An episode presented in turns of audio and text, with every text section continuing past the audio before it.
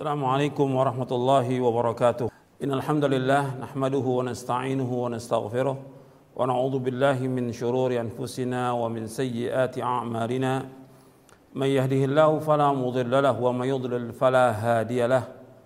أشهد أن لا إله إلا الله وحده لا شريك له وأشهد أن محمدا عبده ورسوله.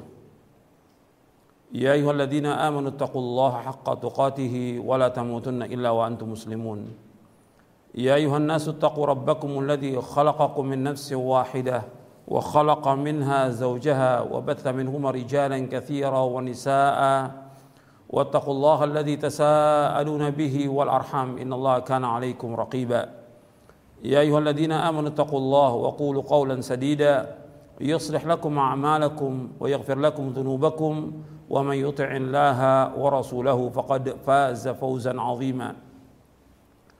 أما بعد فإن أصدق الحديث كتاب الله وخير الهدي هدي محمد صلى الله عليه وعلى آله وسلم وشر الأمور محدثاتها وكل محدثة بدعة وكل بدعة ضلالة وكل ضلالة في النار. معاشر المسلمين رحمكم الله kepada seluruh kaum muslimin dan muslimat kepada pemirsa TV Roja dan pendengar Radio Roja yang mudah-mudahan dirahmati oleh Allah SWT Alhamdulillah kita bersyukur kepada Allah atas segala nikmat yang Allah karuniakan kepada kita dan kita bersyukur kepada Allah diberikan hidayah di atas Islam dan Sunnah. Dalam ceramah singkat ini saya akan jelaskan tentang hal-hal yang dilakukan oleh manusia dalam mereka beragama yang akan membawa kepada kesesatan. Mereka beragama tetapi mereka tidak mengikuti dalil dari Al-Quran dan Sunnah. Yang mereka jadikan sebagai pijakan mereka dalam mereka beragama ya apa kata orang apa kata ustadz atau mereka berdalil dengan perkataan atau mengikuti nenek moyang atau dengan orang banyak atau yang lainnya. Saya akan jelaskan satu persatu supaya kita benar dalam kita beragama ini kita wajib memperbaiki cara kita beragama. Kita sebagai orang Islam, sebagai muslim dan muslimah harus dan wajib memperbaiki cara beragama kita supaya kita tidak sesat. Di antara yang membawa kesesatan kepada manusia yang pertama kejahilan, kebodohan. Dia tidak belajar tentang agama ini. Bahwa kita wajib beragama dengan dalil. Makanya kita wajib belajar dan kita wajib meluangkan waktu kita untuk belajar tentang agama ini sampai kita faham tentang agama dan kita wajib mengamalkannya.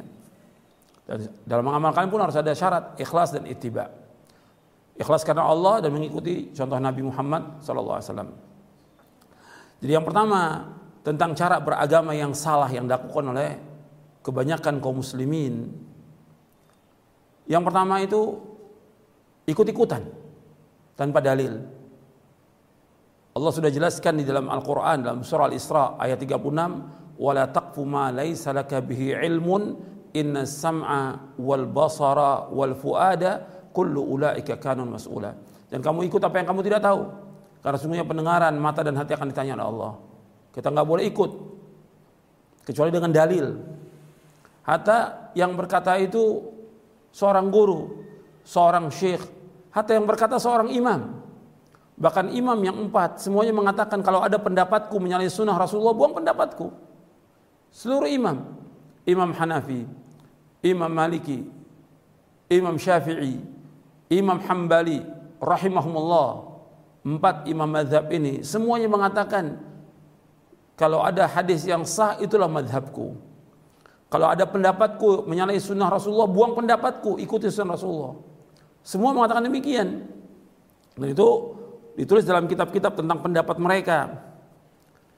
Bahkan ada perkataan seorang penyair mengatakan para imam pembawa petunjuk berkata, jangan amalkan perkataan kami tanpa nas yang sah. Padanya ada dalil wajibnya mengambil hadis baik dahulu maupun sekarang.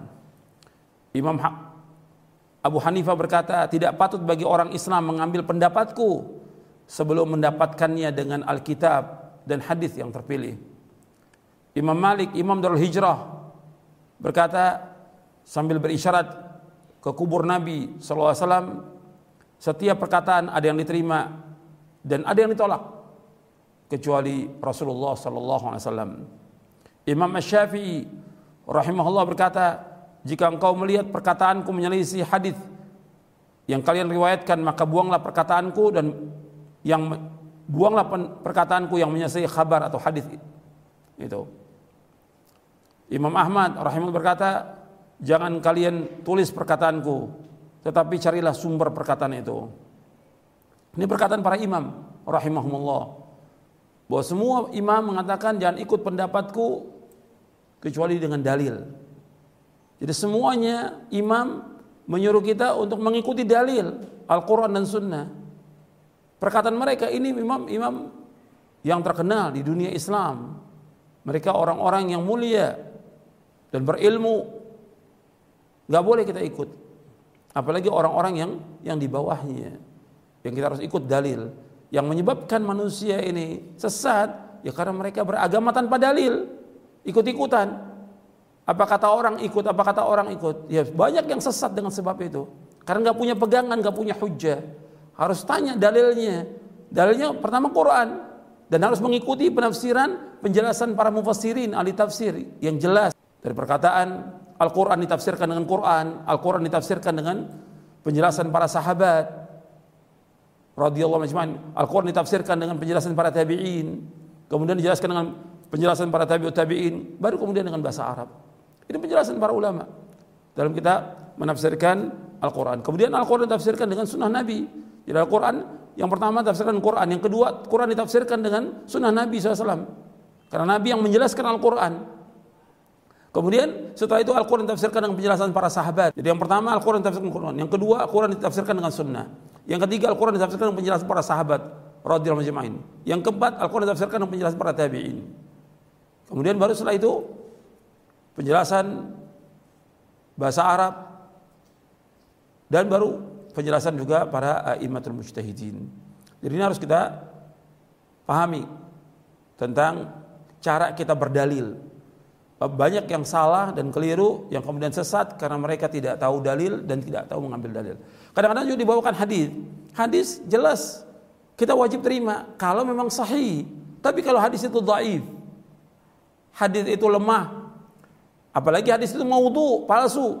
Nggak boleh. Kita tanya, kalau disebutkan dalilnya, ini hadis Nabi mana dalilnya? Mana sanatnya? Maka para ulama menanyakan, mana dalilnya? Imam Abdul Mubarak mengatakan al-isnadu al-isnadu din walau al isnadu laqala man syaa ma syaa. Sanad itu dari agama. Kalau nggak ada sanad orang berkata seenaknya. Jadi harus ada dalilnya.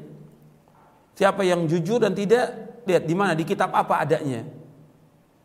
Di Bukhari tunjukkan, di Muslim, Abu Daud, Tirmidzi, Nasai, Ibnu Majah, Ahmad dan lain mana dalilnya? Sahih atau tidak? Kemudian setelah itu bagaimana penjelasan para ulama dalam syarah-syarah hadis tentang hadis itu?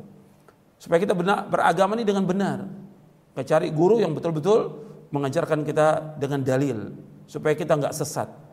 Yang kedua yang menyebabkan manusia sesat yaitu mereka mengikuti nenek moyang dalam beragama. Apa kata nenek moyang? Untuk melihat ayatnya dalam surah Al-Baqarah ayat 170. Untuk melihat keterangannya. Allah berfirman, "Wa idza qila muttabi'u ma anzalallah qalu bal nattabi'u ma alfaina 'alaihi aba'ana aw law kana aba'hum la ya'qiluna shay'an wa la yahtadun." Allah berfirman dalam surah Al-Baqarah di ayat 170 untuk melihat dalilnya kepada seluruh pendengar Radio Roja dan pemirsa TV Roja antum lihat dalilnya. Supaya antum beragama dengan dalil bukan kata orang. Allah berfirman dalam surah Al-Baqarah ayat 170 wa idza qila muttabi'u ma anzalallah qalu bal nattabi'u ma alfaina alaihi aba'ana walau kana aba'uhum la ya'qiluna syai'an wa la yahtadun. Apabila apabila dikatakan kepada mereka ikuti apa yang Allah turunkan. Mereka berkata kami mengikuti apa yang kami dapati nenek moyang kami melaksanakannya. Kata Allah, apakah mereka akan ikut juga kepada mereka? padahal bapak dan nenek moyang mereka tidak berakal, tidak paham sedikit pun juga dan mereka tidak dapat petunjuk. Ini agama nenek moyang.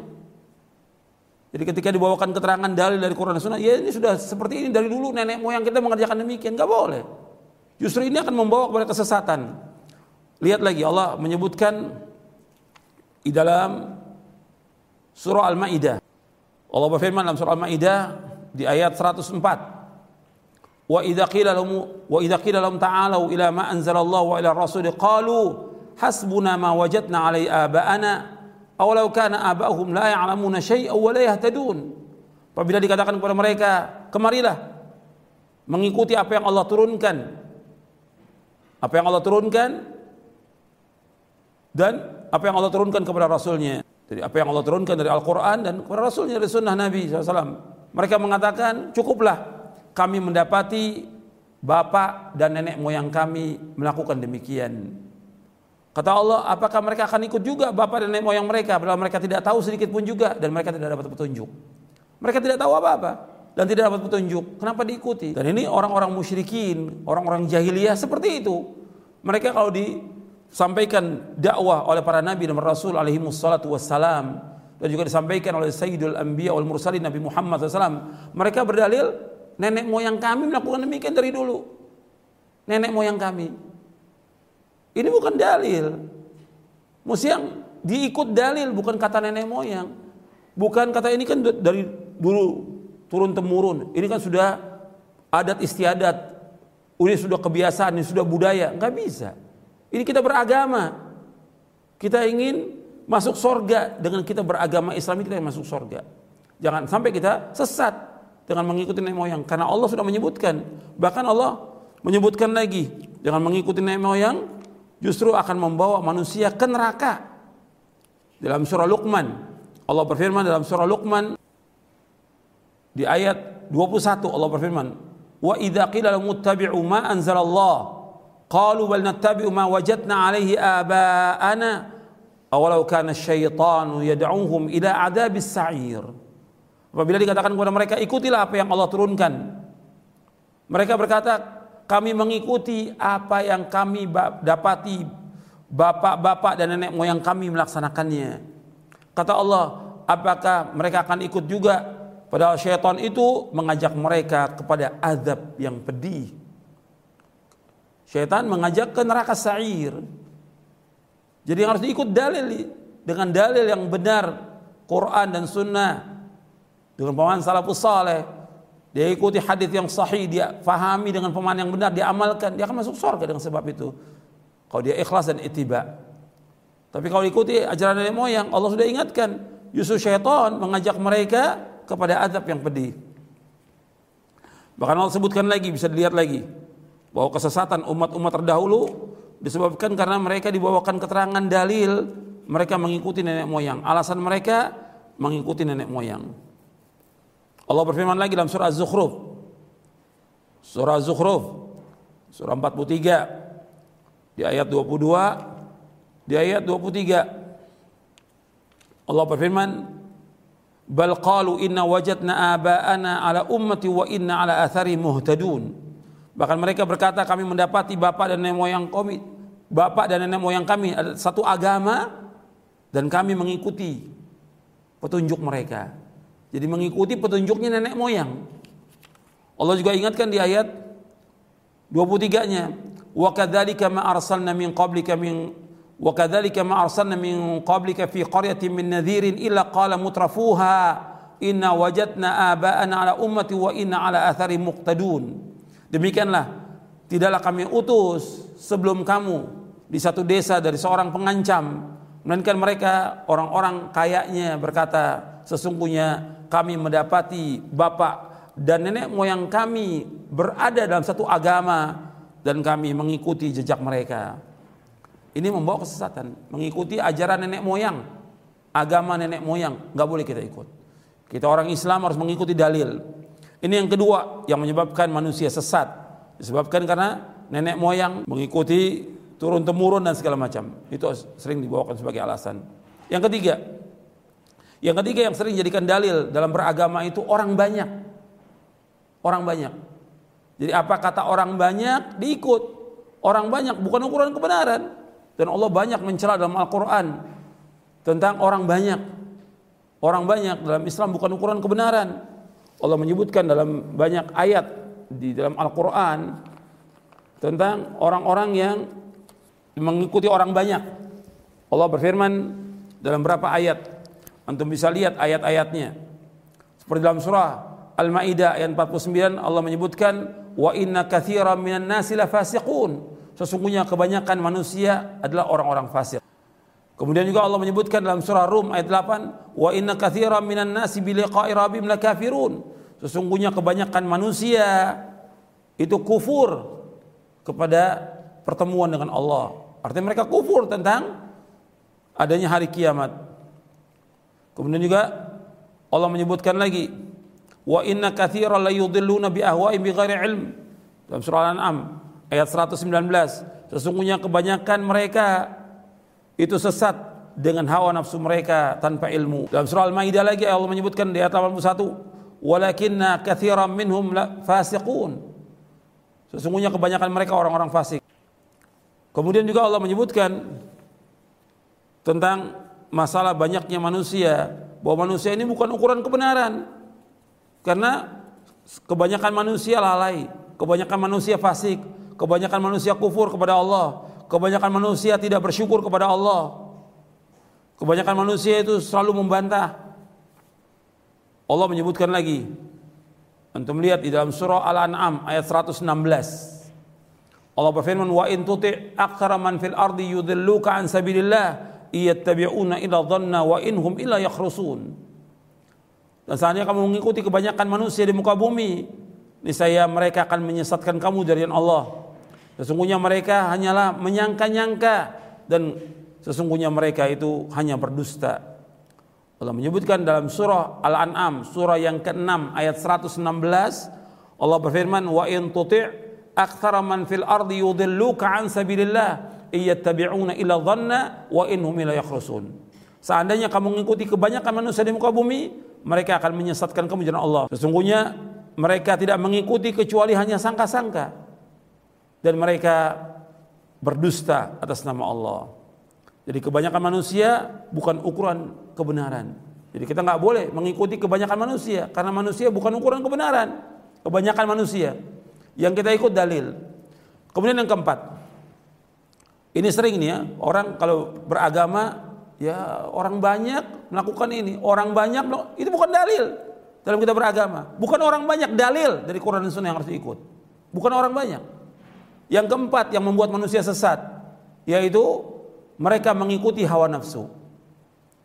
Hawa nafsu sudah ada keterangan, sudah ada dalil dibawakan dengan hujah mereka nolak. Mereka lebih mengutamakan hawa nafsunya.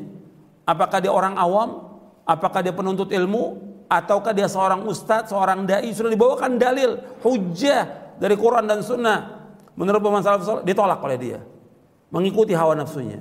Allah sebutkan, antum lihat ayatnya di dalam surah Allah berfirman dalam surah Al-Qasas di ayat 50. Allah berfirman dalam surah Al-Qasas ayat 50. Fa illam yastajibu laka fa'lam annama yattabi'una ahwa'ahum wa man adallu mimman ittaba'a hawa bighairi hudan min Allah inna Allah la yahdil qaumadh dhalimin. Fa illam yastajibu laka fa'lam annama yattabi'una ahwa'ahum wa man adallu mimman ittaba'a hawa'ahu bighairi hudan min Allah innallaha la yahdil qaumadh. Apabila mereka tidak menyambut seruanmu, tidak menerima keterangan dari kamu, ketahuilah sesungguhnya mereka hanya mengikuti hawa-hawa nafsu mereka dan tidak ada orang yang paling sesat melainkan orang yang mengikuti hawa nafsunya tanpa petunjuk dari Allah. Sesungguhnya Allah tidak menunjuki orang-orang yang zalim. Jadi Allah menyebutkan di dalam ayat ini orang mengikuti hawa nafsu sesat. Sudah dibawakan dalil hujjah oleh Nabi Muhammad SAW mereka nggak mau terima. Mereka mengikuti hawa nafsunya maka nggak ada orang yang paling sesat melainkan orang yang mengikuti hawa nafsunya tanpa petunjuk dari Allah SWT. Jadi ini empat yang membuat manusia sesat. Yang pertama, mereka bodoh, tidak belajar, tidak nuntut ilmu, tidak mencari dalil. Yang kedua, yaitu mereka mengikuti ajaran nenek moyang. Yang ketiga, mereka mengikuti orang banyak. Dan yang keempat, mereka mengikuti hawa nafsu. Ini jalan-jalan yang membawa manusia ini kepada kesesatan. Karena itu kepada kaum muslimin semuanya dan kaum muslimat kita wajib meluangkan waktu kita untuk belajar agama ini dengan benar dengan dalil dan kalau sudah ada dalil, sudah ada keterangan hujjah, kita wajib terima, kita wajib taslim. Apalagi dalil dari Quran, dalil dari sunnah, kita wajib taslim. Sami'na wa ata'na. Kalau sudah diajak sikap seorang mukmin dan mukminah, kalau sudah diajak kepada Allah Rasulnya, dia mengatakan sami'na wa ata'na. Kami dengar dan kami taat. Mudah-mudahan apa yang saya sampaikan bermanfaat untuk saya dan untuk sekalian.